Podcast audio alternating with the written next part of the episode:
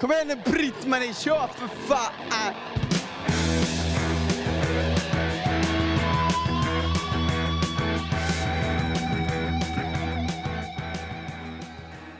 Are you with me tonight? Are you with me tonight?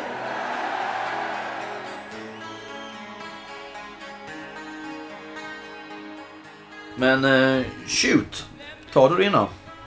Jag har inte lyckats. Fått ihop fem plattor. Det ändrar sig hela tiden. Ja, jo men det, det gör det ju. Eh, Vi, fick ju, vi satte ju direkt en regel att vi inte fick ta samma Nej, plat- exakt. plattor Så heller. att, eh, Det förstörde ju också jättemycket. Jo, eh, så är det. Utan tvekan. Men jag har ju tagit med... Jag, jag kan inte ens rangordna dem. Det går. Alltså det, att, det, att plocka ut fem är tillräckligt svårt. Ja, oh ja.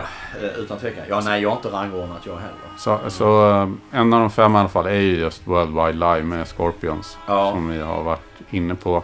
Ja. I, idag är det en del låtar där som jag är trött på. Eh, Still Loving You, Big City Nights, de här. eh, inga, inga, inget jag liksom lyssnar på frivilligt så. så det, det, det, det är en sida där man kan hoppa över.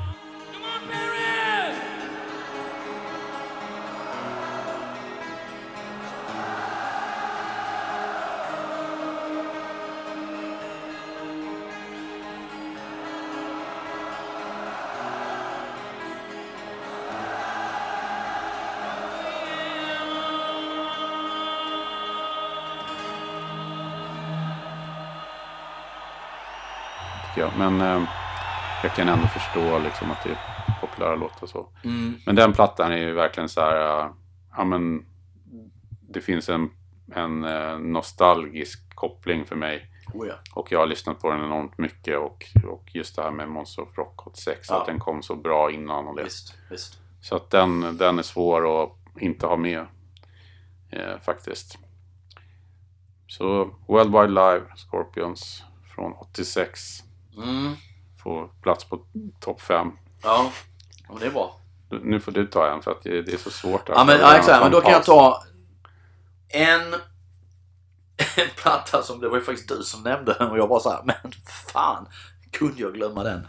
Och det är ändå faktiskt en, en liveplatta som jag lyssnade fruktansvärt mycket på. Och som jag faktiskt återkommer till. Det är Open Fire med YNT. Um, Det kommer sig att jag nämnde den. Det är ju Ja. bara jättekonstigt. Exakt, eh, helt galet. Eh, man skäms. Eh, men det minns jag också att den köpte... Det var ju alltid polare som köpte. Men den köpte ju polaren... Eh, eh, eh, Bara, bara omslaget är otroligt lökigt. Ja, med tändarna och det här Ja, ja. så tänder som står YNT på. Så Ja, står de håller ja. upp. Eh, man vill ju ha en sån tändare. eh, nej men polaren, eh, Micke, Tom Bombo Micke, han, eh, han köpte den på Möllerströms i Ängelholm när den kom ut. Eh, och Möllerströms var ju egentligen sån här radio tv. Men det var då den enda skivaffären liksom i Ängelholm. Sen efter det kom fantastiska Änglavaks. Men eh, han köpte den. Den lyssnade vi så in i helsike på. Och där var det ju att, jag menar vi hade ju upptäckt YNT med plattan då som, som kommer som där turnén är ifrån, eller inspelad från, uh, In Rock We Trust. Uh, som jag fortfarande tycker är deras bästa medan många andra då hävdar att exempelvis Black Tiger och Mean Streak, det, det, liksom, det där är riktiga YNT. Men in Rock We Trust börjar ju det här lite kommersiella. ehm, Rock and roll's gonna save the world. Absolut, det är helt jävla underbart alltså. Ehm, och eh, min favoritlåt Breakout. Ehm, och det intressanta är att för det första är det ju inte speciellt lång platta. Det är en studiolåt med. De presenterar då Summertime Girls. Som väl är någon förhoppning om att det ska bli en hit. Och ja, det blev, det blev väl lite på sätt och vis. Jag tror till och med den spelas Rockbox-spelaren. Ja, och jag tror även sen att, att videon åtminstone figurerar på om nu bagen fanns typ 85. Det vet jag inte. Jag kommer inte ihåg. Men jag har för mig att jag ser det på svensk tv också. Eh, det är en ganska lökig video så här, de är på stranden och det är mycket tjejer och så. här. Typiskt 80-tal. Eh, men plattan är förbannat bra. Det intressanta är här då också som du nämnde med någon vad det nu var. Att det är ju inte en enda låt med från In Rock We Trust. De här, utan det är liksom bara gamla slagdängor. Ehm, men den är... Den, den, vi lyssnade som fasen på den. Ehm, långt senare så ser jag ju även den här eh, eh, videokonserten. Eh, där de är på, jag tror det är på San Francisco eh, Civic eller vad fan det nu heter. Som är från In Rock We Trust-turnén där de har den här gigantiska roboten som kommer ut som är på omslaget. Och eh, Damon Menichetti har den här helt rosa jävla overallen. Som ser helt galet ut. Eh, men fantastiskt liveband. Eh, och det går inte att komma ifrån att det här återigen, Damon Menichetti var och eh, kanske inte lika mycket nu, men han var en jävel på att snickra ihop bra låtar. Eh, och YT har alltid haft en sån här fruktansvärd soft spot för. Och det är ett av alla de där banden som man kände att fasen, de, de borde blivit mycket, mycket, mycket större än vad de var. Uh, nu är det ju bara Damon Eketti kvar. Men eh, nej, Open Fire, riktigt jävla vacker alltså.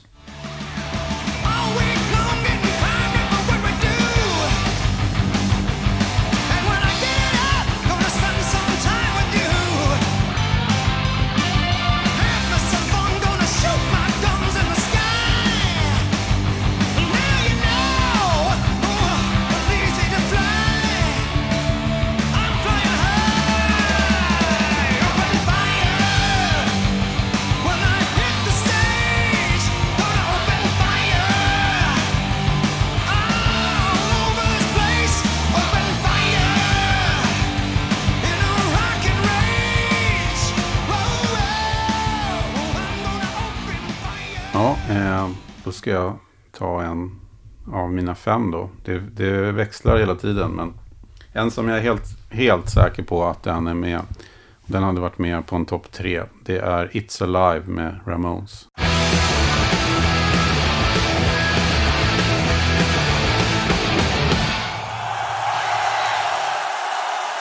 ...28 låtar. Helvete. Men klart de var inte mer än två minuter. Så att. Alltså de hade ju bara släppt tre plattor då ju. När den, Ja. den spelas ju in eh, på nyårsafton i London. Eh, 77 va? Ja, är London. Mm. Ja, fan. Ja, det. It's good to be back in England and it's good to see all you again. Take it, dude.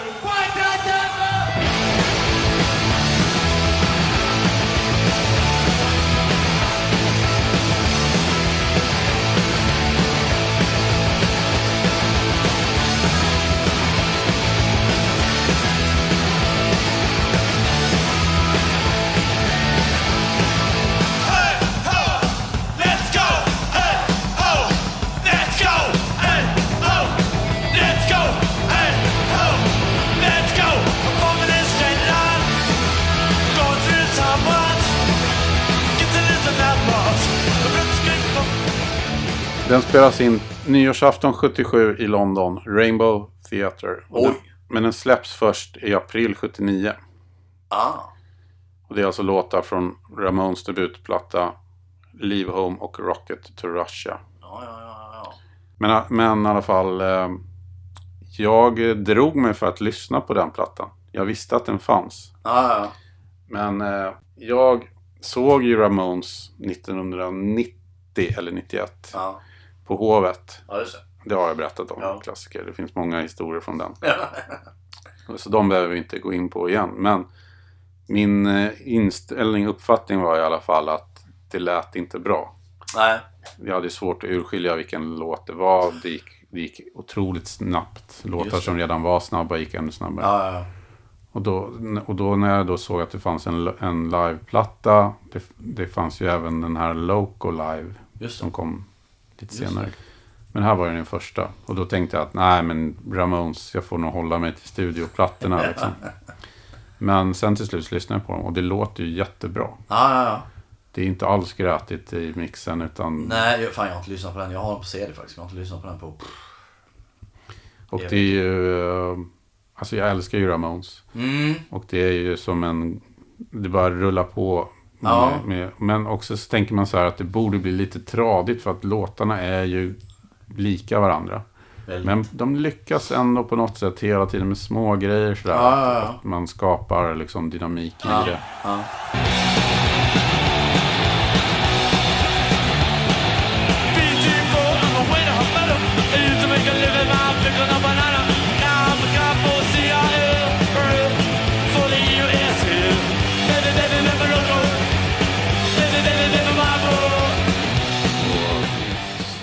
Jävla drag alltså. Och det är ju nästan, det är ju inga uppehåll alls. Det är ju som ett medley i princip. Liksom. ja, just det. Ja. Så att jag blev pos- väldigt positivt överraskad när jag hörde den. Men fan 79, det är liksom... Det är mitt i... Alltså, det, det är ju liksom disco... Ja, grejen är att eh, det är ingen tillfällighet att den är inspelad i England. Nej, det är liksom punkens huvud. eh. Ja, för att det är väldigt tydligt om man ser den här eh, dokumentärfilmen End of the Century. Ja. Så eh, Ramones led ju av att punk, de klassades som ett punkband i USA. Och eh, Sex Pistols turnerade ju i USA Ja. eh, ungefär samtidigt under den här perioden när Ramones, när de släppte sina första plattor. ja, det är ju 77 gör de ju... Ja, Eh, och eh, det blev ju punkmusik, allt som, det blev ju totalt liksom ut, eh, vad ska man säga, ja men bannlyst. Liksom. ja. Det var nästan inga radiostationer som Nej, ens ville nej, ta, ta nej. efter att de hade härjat där liksom. Så att, eh, och de försökte ju verkligen med så här, Kina is a punk rocker. Visserligen då kanske dum titel, men det var en låt som egentligen var väldigt radio Ja, ja, ja. kunde ha spelats. verkligen. Radio, det var ju liksom, Verkligen. de hade ju sin Beach Boys Ja, ja, ja. för koppling fan. sådär. Oh. Men de, eh, det spelades ju ingenting på radio i liksom Nej. USA. Och eh, de eh, åkte ju på, på turné med Johnny Winter i USA. Aha, Som då var okej. stor. Och det var ingen bra koppling.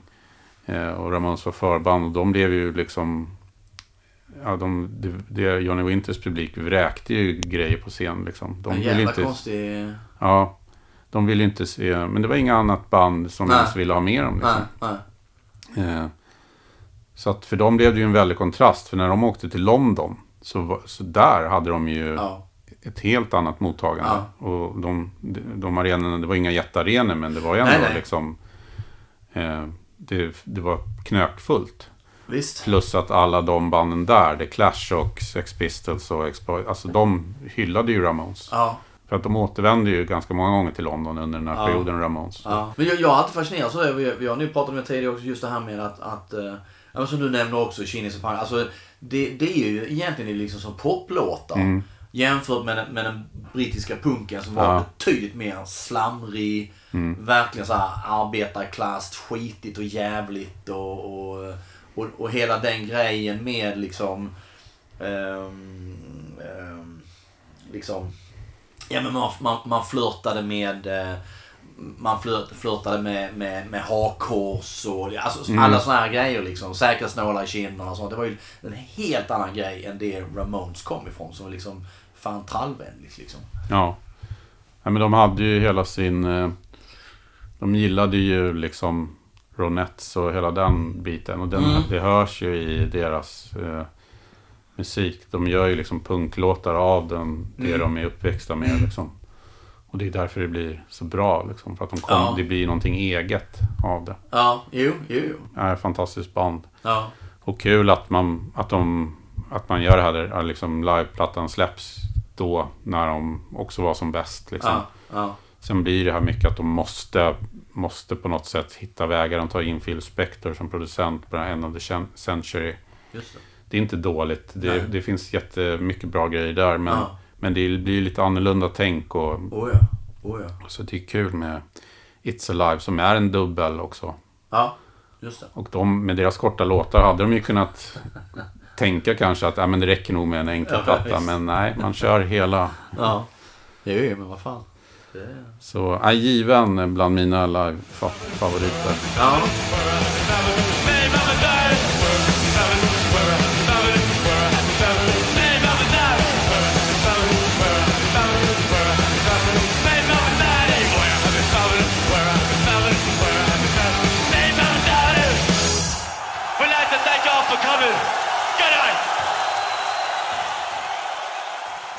Nästa platt, vilken, du var på gång där med din andra. Jo, men och det är ju egentligen en... Den är ju inte som i, i, liksom i live-sammanhang, man pratar liveplattor, den är ju inte... Tror jag inte en platta som brukar nämnas som så, men det är Rush Show of Hands från 89. Och jag, jag samma sak där. Eh, gammal barndomspolare som var mer inne på Rush, eh, Marillion. Eh, han, han var jävligt svag för Dag Vag, vilket jag aldrig har fattat. Eh, men han hade denna och jag minns att jag beställde den från Antingen är det då från LP-fyndet. Där vi på gymnasiet då brukade göra sådana här jättelistor. Mycket vinyl köpte vi då. Men så började liksom då, tänker 89, 90. Jag köper nog denna, skulle jag tänka mig, kanske 91 på CD. Um, ehm, och den bör vara en av mina liksom första tidiga CD-skivor. Så här. Ehm, och det var för att jag hade hört om hos honom. Och um, jag minns till och med hur vi av någon anledning, anledning så får jag åka och hämta ut paketet i Hjärnarp. Kommer kom, kom jag på nu, för jag vet att vi båda två åkte dit. Och hur jag öppnar det här paketet och så får jag upp då A Show of Hands.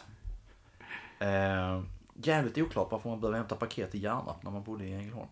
Men eh, den är en sån platta som alltid, den faktiskt återkommer jag till. Men den, just som live-dokument så är det där också, man fan, Rush är ju liksom inget, det är inget jam, alltså jammas inte, det spelas väl inga direkt konstiga liksom version av låtarna. Det, det låter jävligt cleant alltihopa. Det är liksom... Det är ju inte som Alive 2 eller liksom Alive 1 där du får den jävla känslan som du sa att man, fan man sitter på scen. Det här är liksom så, det, det, det, det är snyggt inspelat, det låter fruktansvärt bra. Men rent ur live-sammanhang så är det inget så att man, fan man märker ju knappt att det är live ibland. Men jag, jag, jag fastnar för den. Jag tycker den är fruktansvärt bra. Jag, det, är, ehm, det är Rush på 80-talet. Många ser väl den, den eran av Rush som någonting man som smått spottar på ibland liksom. Ehm, men jag gillar den som fan. Framförallt minns jag hur jag föll för Manhattan Project. Ehm, och att det var en inledningen så kommer det in en sån jävla, jag tror det är någon, antingen är det synt pålagt med bar, GDLs bas, vad fan det är, men det är sån jävla, minns man skruvar upp bas och bara dong. Eh, mäktig som fan. Så att eh, det vet vi att den, den, den, just den låten, Manhattan Project, spelar vi om och om igen just för, för inledningen på den.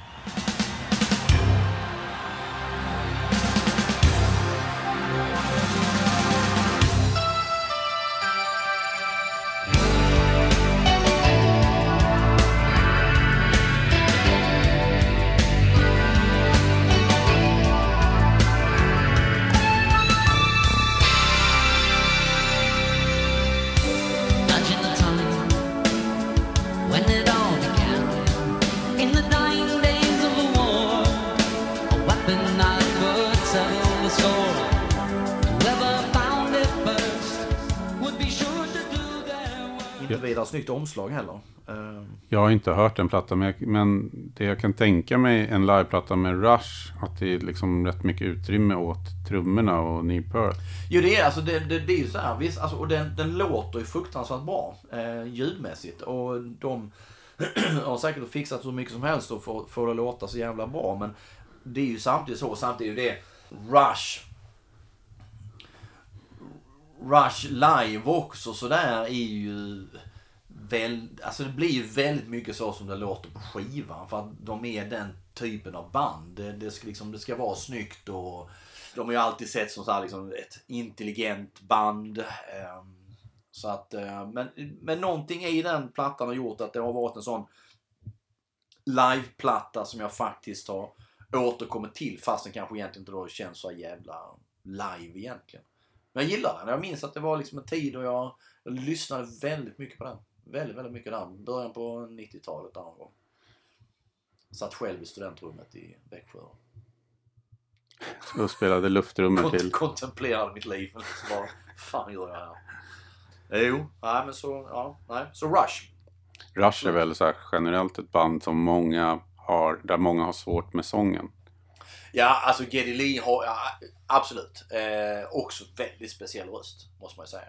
Eh, Det blir väl lite mindre enerverande, eller om man nu tycker att det är enerverande för varje skiva, är det inte lite så? jo, jag har aldrig haft problem med hans röst som så. Den, den är ju jättespeciell. Den är Väldigt- gäll. Den, ja, väldigt gäll. Det är ett jävligt bra låt. Det är ett bra ord. Eh, men det är den. Det är den, absolut. Men jag tycker ändå det liksom det, det, det, funkar. Och han, han kan ju samma sak där. Han kan ju liksom sjunga. Det, det, det låter ändå bra, tycker jag, i mina öron. Ska jag ta min tredje då? Den är också lite, lite otippad kanske. Eh, Det är Thin Lizzy. Men det är inte Live and Dangerous. Det är inte fuskplattan. Det är live.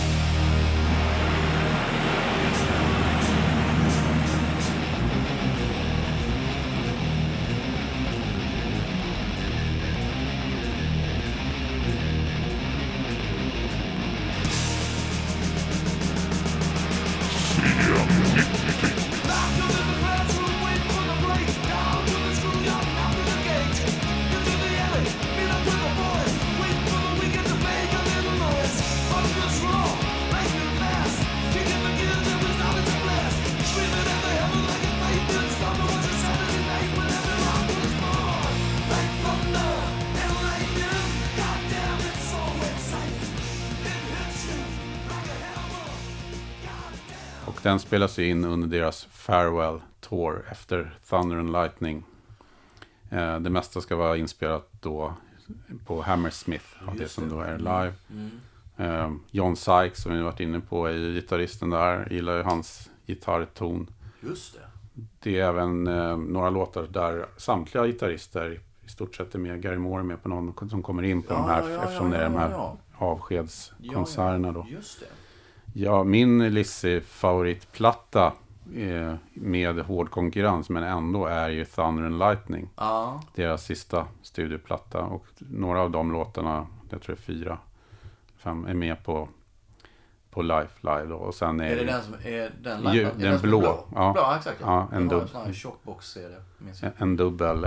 Och, eh, jag har alltid gillat den, men jag vet att den är ju då eh, det är ju alltid eh, Live and Dangerous som Ja. lyfts upp och många tycker att det är världens bästa liveplatta. Ja. Ja. Vilket jag, ja, jag säger, jag kan, jag kan såklart förstå det. Men jag har lyssnat mycket, mycket mer på, på live eftersom jag hade den innan. Ja. Det är ju sånt som spelar in när Ja, man ja, köper absolut. en skiva. Absolut. Och så hade det varit att jag hade haft någon kompis som hade Live and Dangerous. Kanske det hade varit min absoluta. Så är det ju. Men det här är ju en personlig lista. Så att, eh, Jag har alltid haft sådär, det är jättekonstigt för att jag, när jag väl lyssnar på Thin Lizzy så påminns jag varenda gång om hur jäkla bra det är. Mm. Men det går fruktansvärt långt mellan gånger. Att jag kommer in så här. Alltså jag, det är sällan jag kommer hem efter jobbet och känner, fan slänger på en Lizzy-platta liksom. Det, ja, jag lyssnar ju nästan alltid på musik när jag sitter och jobbar. Om jag, Ja. kan, om jag kan göra det. Liksom. jo. Och eh, då är Lizzy jäkligt skön musik att ha på. Men, Absolut. men jag, eh, som den heavy metal-unge man Mm. är, liksom, så är det inte så konstigt att Thunder and Lightning är min. För den kom ju när jag, ungefär när jag var med i matchen. Mm. Jag gillar verkligen Jailbreak till exempel. Men Ja. det tog ju många, många år efter att den har kommit innan jag ens visste att det fanns ett band som hette Thin Lizzy. Oh ja. Jailbreak var min, för, det var min första Lizzy-platta. Eh, köpte skivmässa och köpte så här liksom att, "Nej, men fan jag måste ju kolla Mm. vad Thin Lizzy är för någonting. Skitsnyggt omslag. Där, eh, man, med första Just- utgåvan just det, som, just- eh, just det. och tecknat. De ser ut som serie Ja, och jag, jag, minns, jag minns den dagen. Det är, eh, skivmässa i Ängelholm. Och det är när jag liksom börjar gå på skivmässor. Så här måste det ändå vara kanske om man tänker mig att det är någonstans 80, 87, 88 någonstans omkring. Och jag liksom kommer hem med denna och, och går upp i mitt rum och jag minns precis hur jag lägger på den. Och jag minns det hur jag knockas av den. Och jag, jag liksom klandrar mig själv så här liksom, hur fan kan jag inte ha upptäckt detta tidigare? Men sen blev det liksom inte, jag köpte ingenting. Jag tror inte jag köpte någon mer Lizzy efter det. Från långt, långt, långt, långt senare. Det finns ju massa fantastiska Lizzy-plattor, eller hur Jörgen Holmstedt? Exakt. Black Rose och ehm, eh, Chinatown. Ja, ja, ja. Johnny the Fox. Ja, Johnny Fox, precis. Eh, Jo, det gör det ju. Johnny the Weed and Johnny the Fox. Exakt. Och, eh, men Thunder and Lightning har alltid legat mig lite varmare just för att liksom, den kom under den tiden. Och, den, och den är ju den Lizzy-plattan som är mest hårdrock. Jo, Det jo. är eh, alltså Cold Sweat.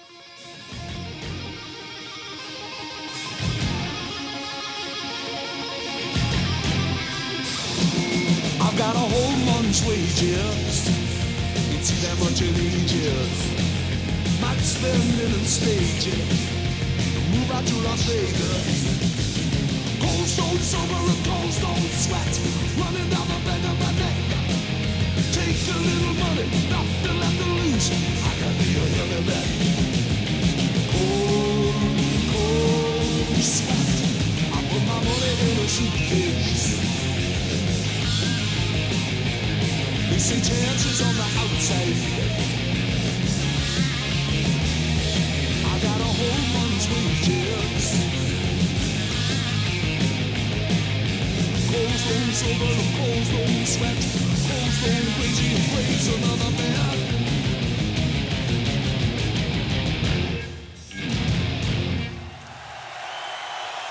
Thin Lizzy eh, live får en eh, topp 5-placering hos mig. Ja, men jag tar min, min, eh, min trea här är eh, också så här, det är ju ingen, det är ingen platta som brukar nämnas som en sån här klassisk eh, liveplatta. Den, den fyllde 30 ganska nyligen också och det är ju Teslas Fireman Acoustical Jam. And the Eh, sign says you gotta exakt. have a membership card to Exakt. get inside. Sign says everybody welcome. Come in and kneel down around a plate at the end of it all. And I didn't have a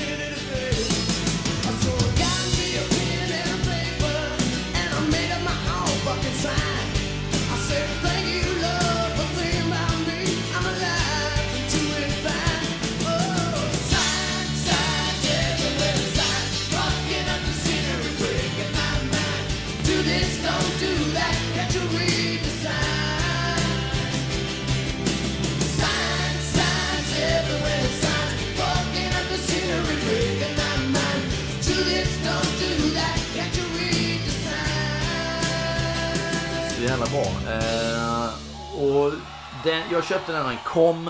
Jag eh, vet... Jag skulle tänka mig att jag hör... För de fick ju en liten hit med Signs där. Att, Mm. att jag skulle kunna tänka mig att jag hör eller ser den på MTV eller någonting sånt där. Att jag, fan det här är jävla bra. Alltså den Eh, spelades ju jämt på Ja, MTV. ja. Det var ju på den tiden man tittade på MTV som Exakt. mest. Och Så det jag, måste vara där för att jag... jag tror också att i den tiden, att de ser lite, så här, lite grunge ut. De har Faktiskt. så här randiga, bruna Faktiskt, k- kläder liksom. Stämmer. Stämmer. Så att det kom väldigt just med den låten som ju är en Ja. cover. Ja. Eh, Men jäklar vad det, om det nu var genomtänkt så kom det väldigt rätt i tiden rent Ja, kommersiellt. absolut. Eh, för att jag tror inte jag egentligen... Jag hade väl hört Tesla innan och sådär, men jag hade, jag hade nog inte köpt någon platta med dem.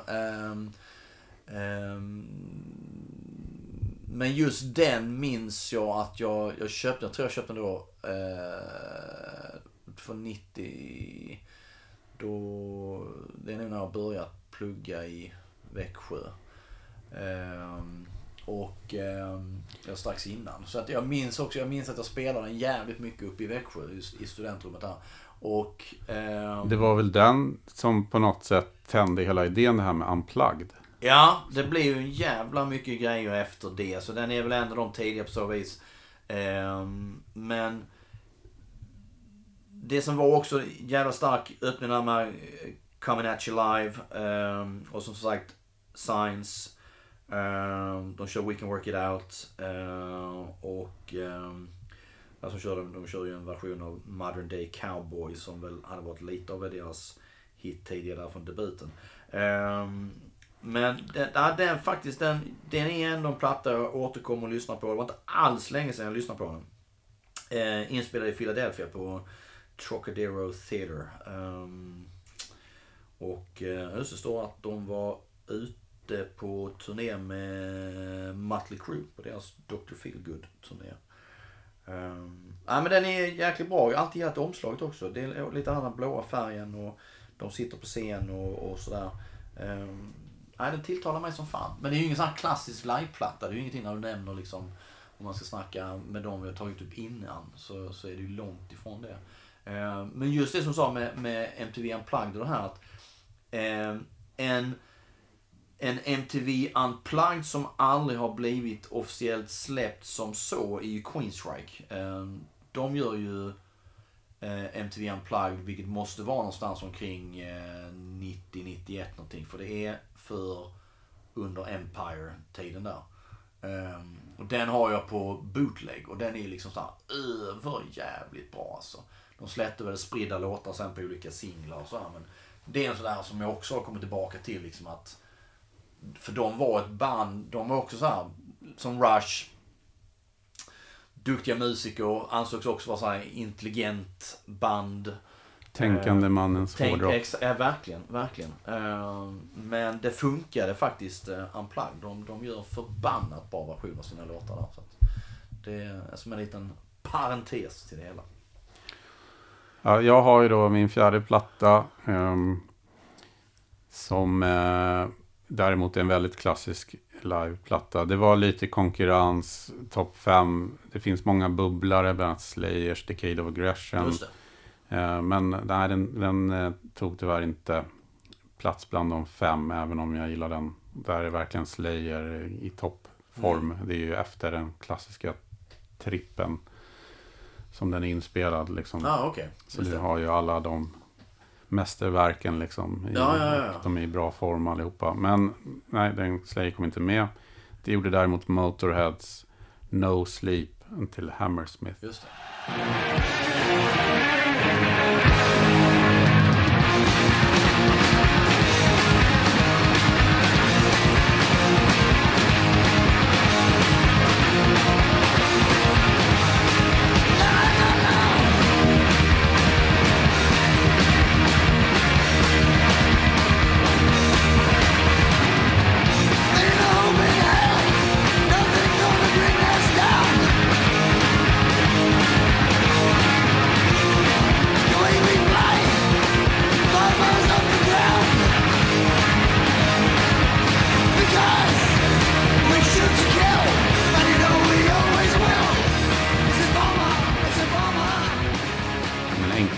enkelplatta men eh, är ju då Motorheads klassiska uppsättning med eh, Fast Eddie Clark och Mm. Filthy the Animal eh, och, och Lemmy. Och då är ju de eh, i någon slags peak efter att de har släppt Ace of Spades. Just det. Och som blir då en klassiker och ett stort genombrott och även försäljningsframgång. Mm. Och eh, No Sleep Till Hammersmith, när den släpps så går ju den alltså upp som etta på Englandslistan. Det är galet. Så där är ju Motörhead, för man brukar ju alltid prata om, det gjorde ju vi i Motörhead-avsnitten där, att de eh, aldrig riktigt breakade. Men där, är, men där har de ju faktiskt en period när de, när de säljer mycket skivor. Mm. Och inte bara t-shirts. eh, så det var ju anmärkningsvärt. Men ja, det är ju också så här att verkligen fånga ett band när de är i en väldigt bra peri- Ja. period. Ja. Och eh, energi, det låter bra. Eh, de, har plockat då från de tre, det är bara tre plattor som har egentligen kommit ut. Men eh, ja, det är ju många idag odödliga Motörhead-klassiker då som Oh, ja. Bomber och eh, Ace of Spades. Så, ja. Nej, det, det, det låter bättre än vad man kan tro också. Faktiskt. Man Ja. skulle kunna misstänka att det skulle vara grötigare. Liksom. Men eh, Den har inte jag lyssnat på på... Gud vet när. det är ju ett eh, jäkligt snyggt omslag också. Med, jag ska Ja, det är också så här. Det kan ju inte bli mer hårdrock. Nej, med Bomber-riggen där. Ja, visst. Det är riktigt jävla snyggt alltså. bakom dem då. Sen eh, ja, Overkill och We Are The eh, Road Crew de, de inleder ju med Ace of Spades. Bara det är ju liksom så här, ja, Jävlar alltså. Bara bränna av det direkt. Även om det är en låt idag som hör till dem mm, som man inte längre kan lyssna på Nej, nästan. ja, visst. visst. För att de har spelat för mycket. Men, Ja. Och eh, jag läste någonstans någon som tyckte det var konstigt att det, att det inte är inspelat på Hammersmith. Eh, Och det är det ju inte, utan den är ju inspelad en ganska lång period faktiskt. Jaha. Som eh, man har plockat låtarna ifrån. Men eh, det är ju No Sleep Until Hammersmith. Så att, eh, Var det fallet. Logiskt. ja, eh, always. Då var Motörhead eh, ruskigt coolt band. Det är, de håller ju- jag tycker de har ju en del pikar som vi pratade om, Kill by Death och Mm. även efter, efter att den här släpps. Men eh, ett bra dokument från eh, när de var i sin absoluta prime. Ja, Verkligen. Verkligen. Faktiskt. verkligen.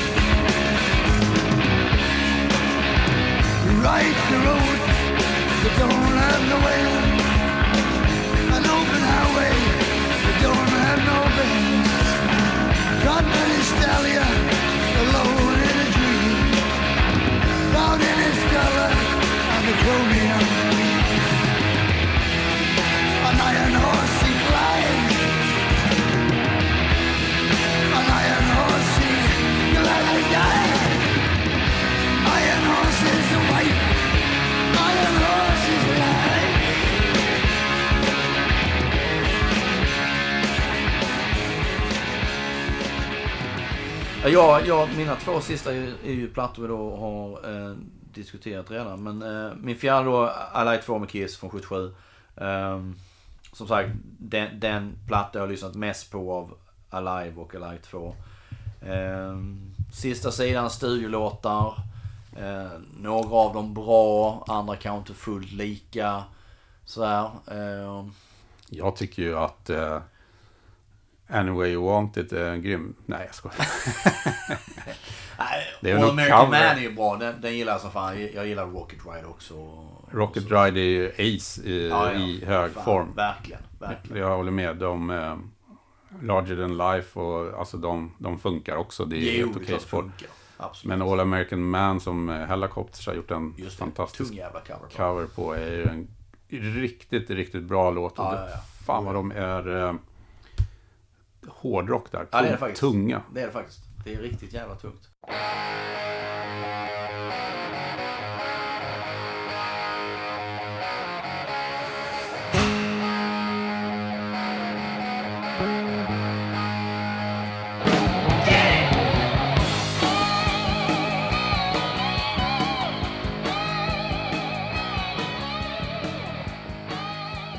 Nej men den är, sen är det, det är ett snyggt omslag. Det, det är samma den. Det, är- det är snygga färger. Det är förbannat snygga färger bara på Kiss-loggan. Det här röda, blåaktiga. Eh, livebilderna på dem. Eh, gatefolden, en av de mest klassiska gatefolds där är. Med så jävla mycket rök och eld och fan hans mormor och bomb och granater. Hela tjottafräsen. Eh, och då recorded at eh, the LA Forum. Eh, vilket då är långt senare visar sig att det stämmer inte alls. Men det är också det här med att, där var ju ändå det som vi sa innan, att de här plockar de ju då eh, låtar som inte är med på första liveplattan. Mm. Eh, utan här blir det från eh, Destroyer, Rock'n'Roll Over och Love Gun. Vilket också, det är ju liksom en smart grej på så vis. Det blir ingen upprepning av det. Nej, Eh, det blir sen- som en best of från de tre senaste. Ja, lite så. Sen så var det liksom då att, som exempelvis Tomorrow Tonight som jag diskuterat, den spelar de ens, Mm. de spelar aldrig den live. Eh, Det är ju flera låtar som hade utan några som helst konstigheter kunnat varit med. Som eh, Oh ja. Do You Love Me Ja, som ja, har ja. spelats live jättemycket. Visst. Eh, och även Take Me va? Och det, som egentligen är med på setlistan. ja, och det finns ju en sån här missprint på, eh, som är sån här som folk, Kiss-fans eh, samlar och letar efter eh, av Alight 2. Där just Take Me med väl står med så på låtlistan. Eh, Hooligan står med, har jag för mig, med, med Peter Chris. Eh, Men de kom ju aldrig med. Så det trycktes väl något sånt här tidigt skede innan det riktigt var klart va. Som skulle finnas på plattan. Så de hade ju lätt, precis som på Alive då, kunnat fylla hela Ja, ja, ja. de två ja. plattorna med live-låtar. Och det är också Absolut. lite så här, visar ju lite hur mycket låtar de, som ändå funkade som de hade. Att egentligen så var det inget problem att Nej. fylla en dubbel. Ja, nej, trots- visst, trots visst, att du bara tog låtar från de senaste tre. Nej, exakt. Eh, och med det där då så var det ju... Det var ett häfte med The Evolution of Kiss, massa snygga bilder. Mm. Eh, det var eh, här tatueringar som skulle gnugga på och blöta upp och sätta på armen. Snygg jävla innerkonvoluten på dem är sån här snygg med konfettin. Så det måste ju vara rock'n'roll all night där då fotona är tagna. Men det här inner sleevesen då med en euforisk publik går ju väldigt bra ihop med Verkligen. det- här ljudet då Verkligen. som Verkligen. eh, slår emot en direkt liksom och där publiken är i extas Ja. från Ja. början till slut. Ja, utan tvekan. surprise for you tonight. We're gonna turn the microphone over to Ace Frehley. Shock me!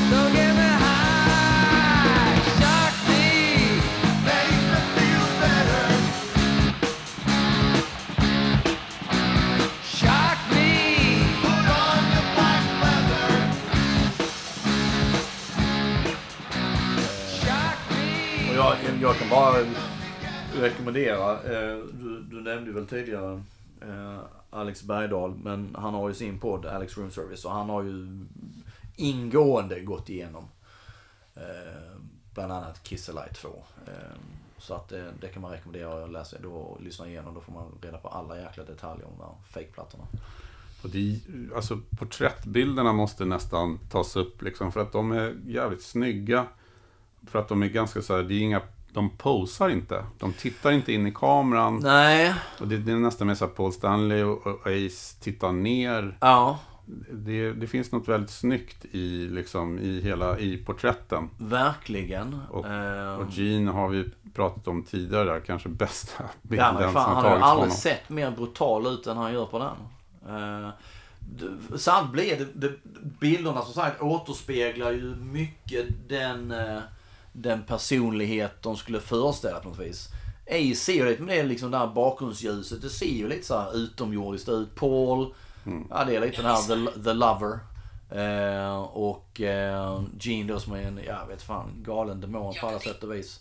Och eh, Peter Chris, ja fan han är en katt. Det är, liksom, det är inte så mycket mer att Men han säga ser cool ut. Ja absolut, absolut. Det, nej, de var ju på sin peak där, utan tvekan. Helt klart. Och jag har ju också, såklart är ju Kiss Alive med bland mina topp fem. Det vore ju löjligt att inte Mm. Mm. ha med den. Den har vi pratat om ganska mycket. Ja.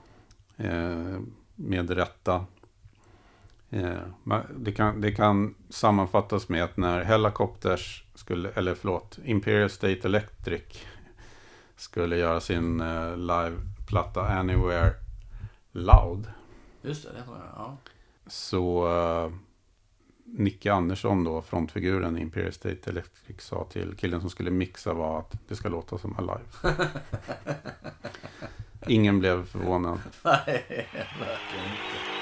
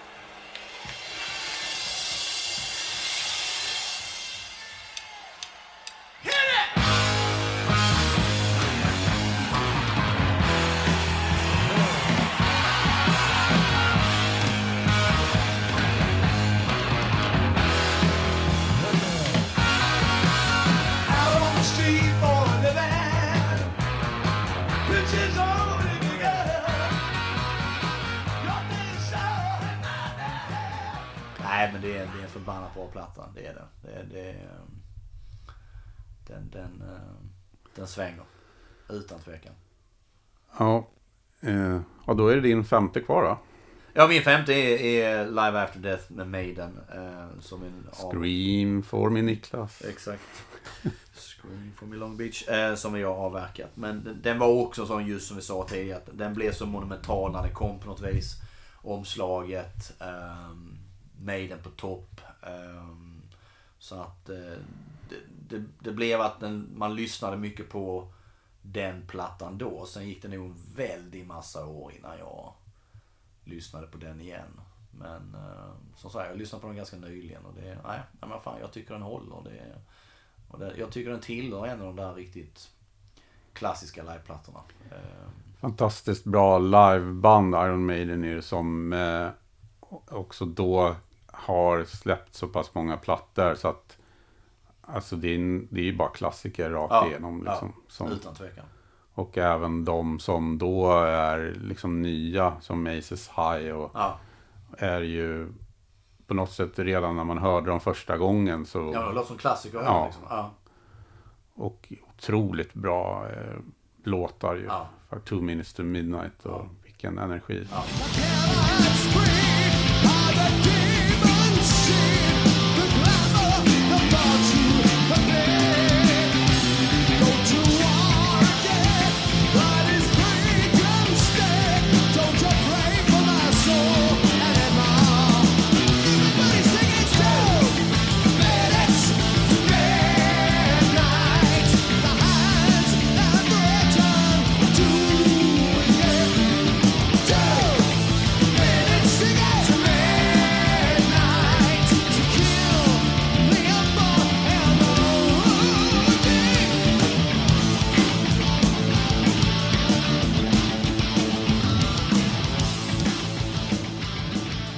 Jag tänkte på en del andra sen som jag kom på att, att ehm, De som inte riktigt Nej, men just en som, som jag då, som jag faktiskt har lyssnat enormt mycket på. Det är ju Metallica Live Shit, Live Shit, Binge and Purge. Men som är ju liksom en, en mer som någon jävla boxgrej med bok och skit och det, det är live-videos och sådär också. Men just trippelserien från Mexico City, fem kvällar är väl den inspelad på där, eh, har jag lys- lyssnat så enormt mycket på. Ehm, och den låt från den plattan jag lyssnat mest på är utan tvekan Harvester of Sorrow. Eh, Det är lite synd att inte det gjordes ett vanligt mer Ja, livealbum från exakt. Injustice-turnén. För att eh, det känns ju också som att det är lite så här slutet. Det är en Jo. tydlig linje där efter Injustice for All. Jo, visst. Innan svarta skivan. Ja.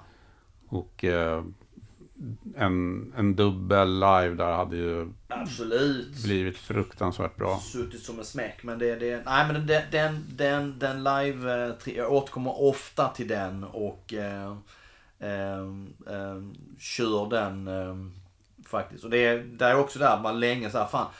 Den tillhör den här jävla boxen så ska man plocka ut den och ställa den i CD-hyllan eller ska den få ligga kvar i boxen så att säga. Men jag eh, tog beslutet tidigt att nej, det måste ju få stå med de andra Metallica-plattorna så att man eh, har lätt, lätt att tillgång till den. Eh, nej, det var den jag tänkte på. Och sen tänkte jag ju eh, Saxon, The Eagles Landed. Eh, klassisk eh, liveplatta som oftast tas upp. Man kan främst snacka om den, den eh, New Wave of British Heavy Metal och, och, och sådär. Som också är väl, är det en enkelplatta? Eller Ja, det är en Det är enkel. en enkelplatta, ja, för mig också. Många Saxon också fruktansvärt bra liveband tight. Ja. med grymma versioner Som av fan. låtarna. Som fan. Och sen en annan som egentligen så, det är ju MC5s Kick Out the Jams. Det är ju deras debutplatta, men den är ju live. Inspelad 68 är det väl tror jag. Eh, och den köpte jag ju då också, vill minnas, sent 80-tal. Högst oklart varför egentligen. Men jag, jag måste ju ha snappat upp MC5 i något sammanhang. Ehm, För det, och- de, eh, det var ju ett sånt här band som många upptäckte senare. Alltså, Ja, framförallt med Hellacopters Ja. och hela den svängen. Eh, Så det kan ju varit troligtvis kanske i, i samband med Hellacopters. Men Då måste det ju ha varit senare. Ja, jag tänker det nu, men det kan, det, det kan, måste en, det kan inte ha varit med Helicopters då, utan det måste vara tidigare. För att jag köper den på Heta Vax eh, i Helsingborg. Och eh, jag vet samtidigt att eh, det måste ha varit någon gång under gymnasietiden. Så att det måste vara 88, 89, någonting liknande. För att det var då vi brukade åka in där, jag och polaren. Eh, efter det när jag, som sagt då, när jag efter att jag pluggat i Växjö för fan. Så var jag inte hemma på samma vis och åkte till, eh, var jag väl hemma så åkte inte vi in, in till Helsingborg för att köpa plattor på Peter Wax direkt. Eh, så jag tror faktiskt att jag köper den någonstans 88, 89, 90, alltså där omkring. Ehm, och den är ju brutal, liksom brutal som så. Kick out the jams motherfuckers, det är skramligt och jävligt och, och, och så. Och jag, jag gillar Och jag gillar MC5. Ehm, jag körde på med deras, de släppte ju inte så jävla mycket. Men ehm, um, ett bra liveband då. Det var riktigt så här. Det är också så här att det låter ju, ja det känns ju live. Det är fan rock'n'roll från början till slut. Um, Jag gillar ju även den eh, High Times. Ja, ja, oh ja, som kom sen, som absolut. inte är live då. Men absolut. ja, den kan vara värd att kolla in om man, om man gillar den Verkligen. typen av eh, lite slamrigare rock. Åt. Ja, ja, för fan. Sen var en platta till som jag funderade på om jag skulle med och det är ACDC's If You Want Blood. Ja, Eh, vad bra att du tog upp den. För den har jag också lyssnat väldigt mycket på. ja, alltså där, och där har du just det här. nej, nej, nej, nej. Exakt, Angus, exakt. Angus. Precis vad jag tänkte. Det här enorma gensvaret från publiken som verkligen gör också att, där är det också lite så att du känner att fan man är nästan på plats. Mm. Det är ett jäkla drag. Ehm, snygg baksida där med gitarrer som sticker ut och det är blod och fan hans mormor. Det är ju ganska brutalt. Eh, Mm. Både omslag och baksida. Och Bon Scott i toppform. Ja, Eh, det är lite synd att det är en enkel ju. ja, Eh, men eh, ja, grymma version riff raff och Ja. det är ja. Och det... Det intressanta Hell är ain't a ju... bad place to be. Det är ju fan, det är ju många låtar där som Ja. görs. Eh, Det är helt otroligt. Men det sägs ju att titeln... För de kör, sen kommer ju, jag har för mig att If You Want Blood, kommer den 78 kanske? Eh, och sen då 79 släpper de Highway to Hell och där är ju låten If You Want Blood med. Och titeln till If You Want Blood sägs ju ha kommit från att en journalist frågar eh, Bon Scott. Jag har för mig det är Oakland och att det är 77. Jag tror de spelar där då. Och eh, om det är tidiga Day on the Green, festivalen som, som var där. Och någon frågar liksom, so, eh, so what can we expect? Och Bon Scott har svarat Blood. Och därifrån ska liksom titeln då ha kommit på något vis. Så att, eh, det är för övrigt en jävligt bra låt. mm. Eh, på Highway to Hell. Fruktansvärt bra låt. Och också lite så här, eh, jag tycker det är kul när det så här markerar lite slutet på eh, epok eller vad man ska säga Ja. tid. Så att på Highway to Hell så eh, går det ju lite där med Matt, Matt Lanch. eh, Ja, ja, det, det, blir det lite, är snyggt producerat och, Mm. och sådär. det är lite råare och ruffare, ruffare innan. Absolut, det är det ju. Utan tvekan. Och det Utan hörs ju tvekan. verkligen på If You Want Blood You Ja, ja, för fan. Det Som, är... eh, och också ett sånt band som verkligen, det blir en extra dimension live. I och med att de har, eh, som du sa, det här gensvaret från Ja, publiken hela ja. tiden. Och Angus eh, Ja, det är snyggt. gitarrspel och energi live är Ja. ju en annan, blir ju en annan liksom, än i studion. Ja, verkligen. Verkligen. Ehm, Så den är ju, den var väldigt nära topp fem.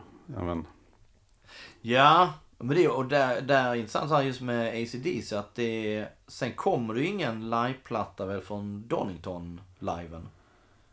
Ja. Det är ingenting innan det. Så att det är också samma känsla liksom, fan varför, varför kom det ingen platta från, från Back in Black-turnén eller For Those About Rock-turnén. När man ändå känner liksom att fan det är de där klassiska plattorna, det såldes in i helsike.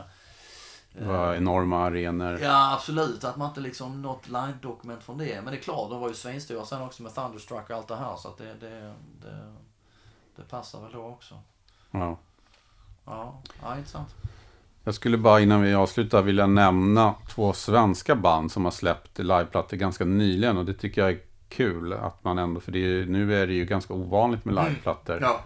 Eh, och och det, ena, det ena har vi varit inne på, Imperial State Electric och eh, Anywhere Loud som eh, höjer, jag tycker att det blir mycket bättre. Mm. Låtarna blir mycket bättre. Det blir lite tyngre, lite mer energi. Mm. Jag vet att många har ju tycker ju kanske att Imperial State är lite poppigaste laget om man är liksom kommer från eh, att man har lyssnat på Micke Andersson Ja. tidigare med Ja. Helicopters och så. Eh, Men låtarna blir ju lite mer köttigare live och eh, De är, jag tycker som sagt, som du säger, så tycker jag det att, att på platta är jag kanske inte alla gånger så här jätteimponerad av Imperial State Electric. Det är bra låtar men det blir liksom aldrig så att riktigt, mm, den där. Men live, jag har sett dem flera gånger och live är de helt fantastiska. Och otroligt tight. Ja, det är, det är sånt jävla fläskrus. Jag minns ett gig på Kägelbanan och jag minns ett gig på eh, Sweden Rock tror jag. Sweden Rock kom ju Amir ut och de körde The Rock vad fan det var. Ja, det var. Det var sånt jävla fläskrus så att det, de blev, live blev de ett helt annat band. Det blev sån jäkla drag i det så man bara står där och liksom känner fan man blir helt överkörd. Medan de på platta är lite mer tillbakahållet och jag vet inte. Ja, lite poppiga på något vis. Ja, men det är verkligen deras rätta element och Ja. eh, de gör ju en cover på The Kids tror jag de heter. Eh, som jag tror är belgiskt. eller Något så här. This is rock and roll. Ja, ja, ja. Som passar dem så fruktansvärt bra. ja.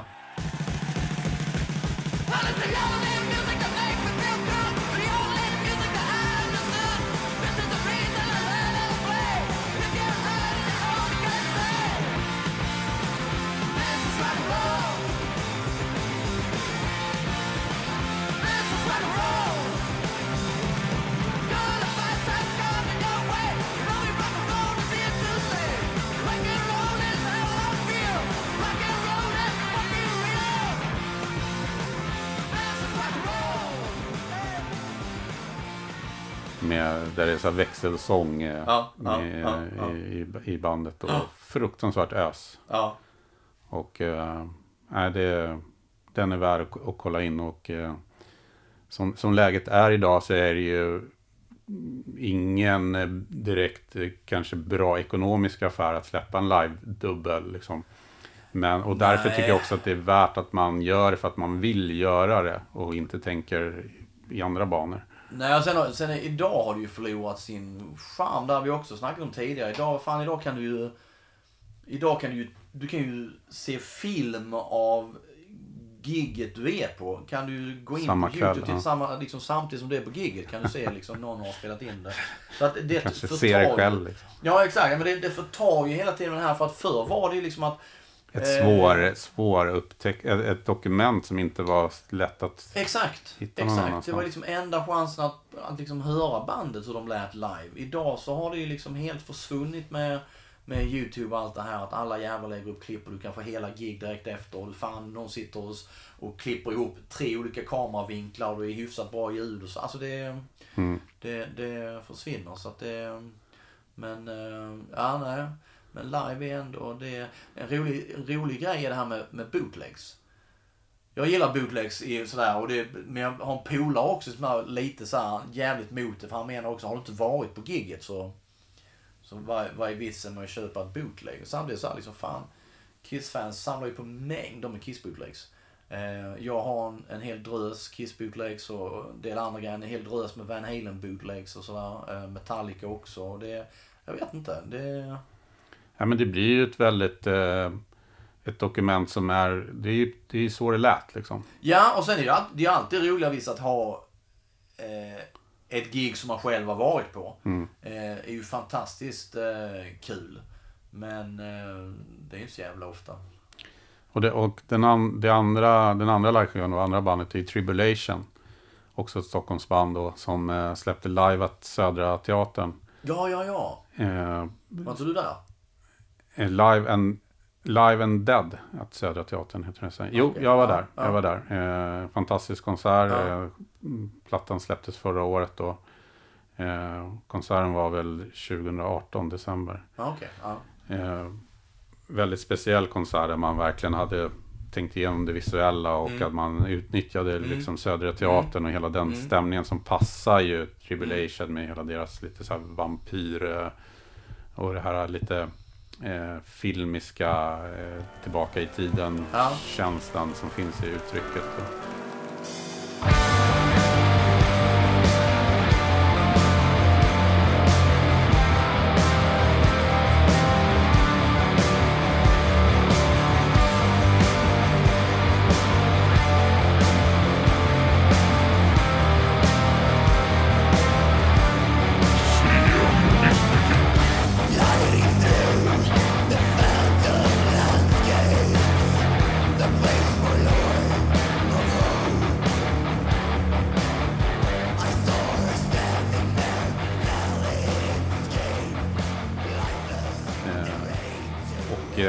Väldigt bra. De spelar hela, hela eh, Down Below på första sidan. Och, Ja, ja, som ja. de gjorde rakt igenom. Och sen är det övrigt är det låtar från tidigare.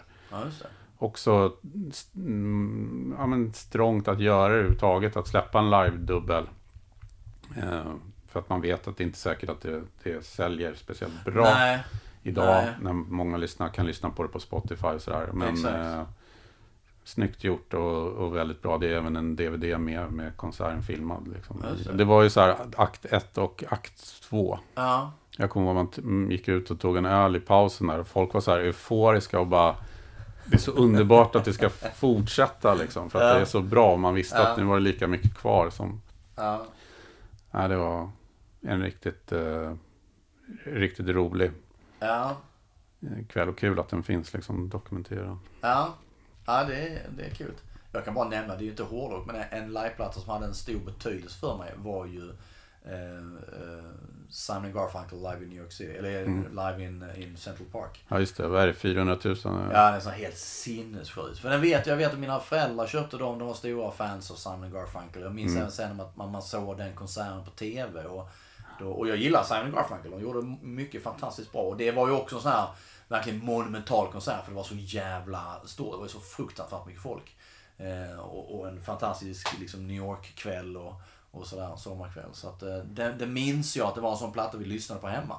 Eh, och jag för mig inte om det är någon sån här booklet med den också man kunde sitta och bläddra och titta i. Och, och så här, också en, en dubbelplatta. Eh, så den minns jag tidigt var, så att det är troligtvis en av de så här första liveplattorna som jag liksom lyssnar på och som har som gör någon form av intryck på mig. Eh, så är det den. Men eh, som sagt, det är inte hårdrock. Så att, eh, ja. Jag har ju lyssnat mycket, om vi, inte, om vi ska prata liveplattor vi inte är hårdrock på Pink Floyd och eh, Delicate Sound of Thunder. Absolut, den köpte jag förra veckan nu. Den har kommit en ny, nyutgåva nu. Eh, Okej. Master och med eh, nio extra spår som inte var med då. Det är någonting med ljudet där som liksom lyfter upp. Ja. Gitarrerna Ja. blir så Ja. otroligt Ja. klara. Absolut. Men den, den, den är ju lite som Rush i Show of Hands. Det är samma sak där. Alltså, Pink Floyd är också så här, det är liksom, det är perfektionism. Det, är det, det är liksom inte en jävla ton som är fel. Det låter väldigt mycket så som det låter på skivan. Samtidigt är det fruktansvärt bra. Fruktansvärt bra. Så att, nej, men det, det, det är också en platta jag har lyssnat väldigt, väldigt mycket på. En sån låt som så här, Wish You Were Here. Och jag vet att i, så här, nu finns det väl inte så många sådana, men så här stereo, när man ska sälja Ja, ja, ja. stereoapparater brukar Ja. de alltid sätta på den. Liksom, Ja, för att det är någon slags, liksom, det, det blir, finns inget bättre att spela för att höra nej hur bra det kan låta. Liksom. Exakt. Nej men den, den- den, är fruktansvärt bra. Sen, eh, ja, jag har en till och som absolut inte hårdrock. Det är Gino Vanelli. Det är många, många spyr ju på det men jag tycker det är så fruktansvärt bra. Men han släppte en liveplatta 90...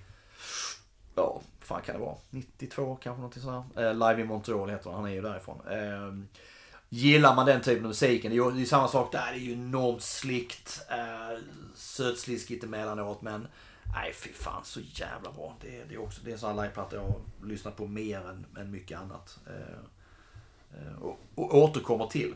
Men eh, det är som sagt inte, inte hårdrock. Ja, men innan vi hamnar ännu längre från från Hammersmith så, Just det, så ja. kanske vi ska här, eh, tacka för oss. Ja, Eh, vi har ju funderat mycket så här i efterhand så, så kanske onödigt mycket just för att det, här, det blev topp 5-fokus. och- mm, Men eh, liveplattor är fascinerande. ja faktiskt. Eh, på ett eller annat sätt är de det. Man, eh, man återkommer till dem och man har sina favoriter. Att, eh, Och jag tror också att när det handlar om hårdrock så blir det alltid extra intressant just för att det är många band som liksom, det är där det gör sig bäst. Det är det är ut, uttrycket liksom. Allting kommer till sin rätta på ett annat sätt. Och Ja, eh, ut, ja utan tvekan. Eh, visst, visst är det så. Det håller med fullständigt. Så eh, ja, jag hoppas att ni fick eh, kanske inte så många nya tips eh, eftersom vi var inne, det var rätt mycket klassiker, men eh, att, ni, att det ändå gav någonting att lyssna på, på oss. Tycker Ja. jag. Fan, någonting. Om inte annat så kanske återupptäcka någon av. Av Ja, de gamla klassikerna och, och ge den en, en omgång till. Och, och inse hur fantastiska de är. Ja, men Niklas, tack för, för i, idag. Tackar och bugar. Så eh, säger vi på återhörande. Yes. Ha det så bra.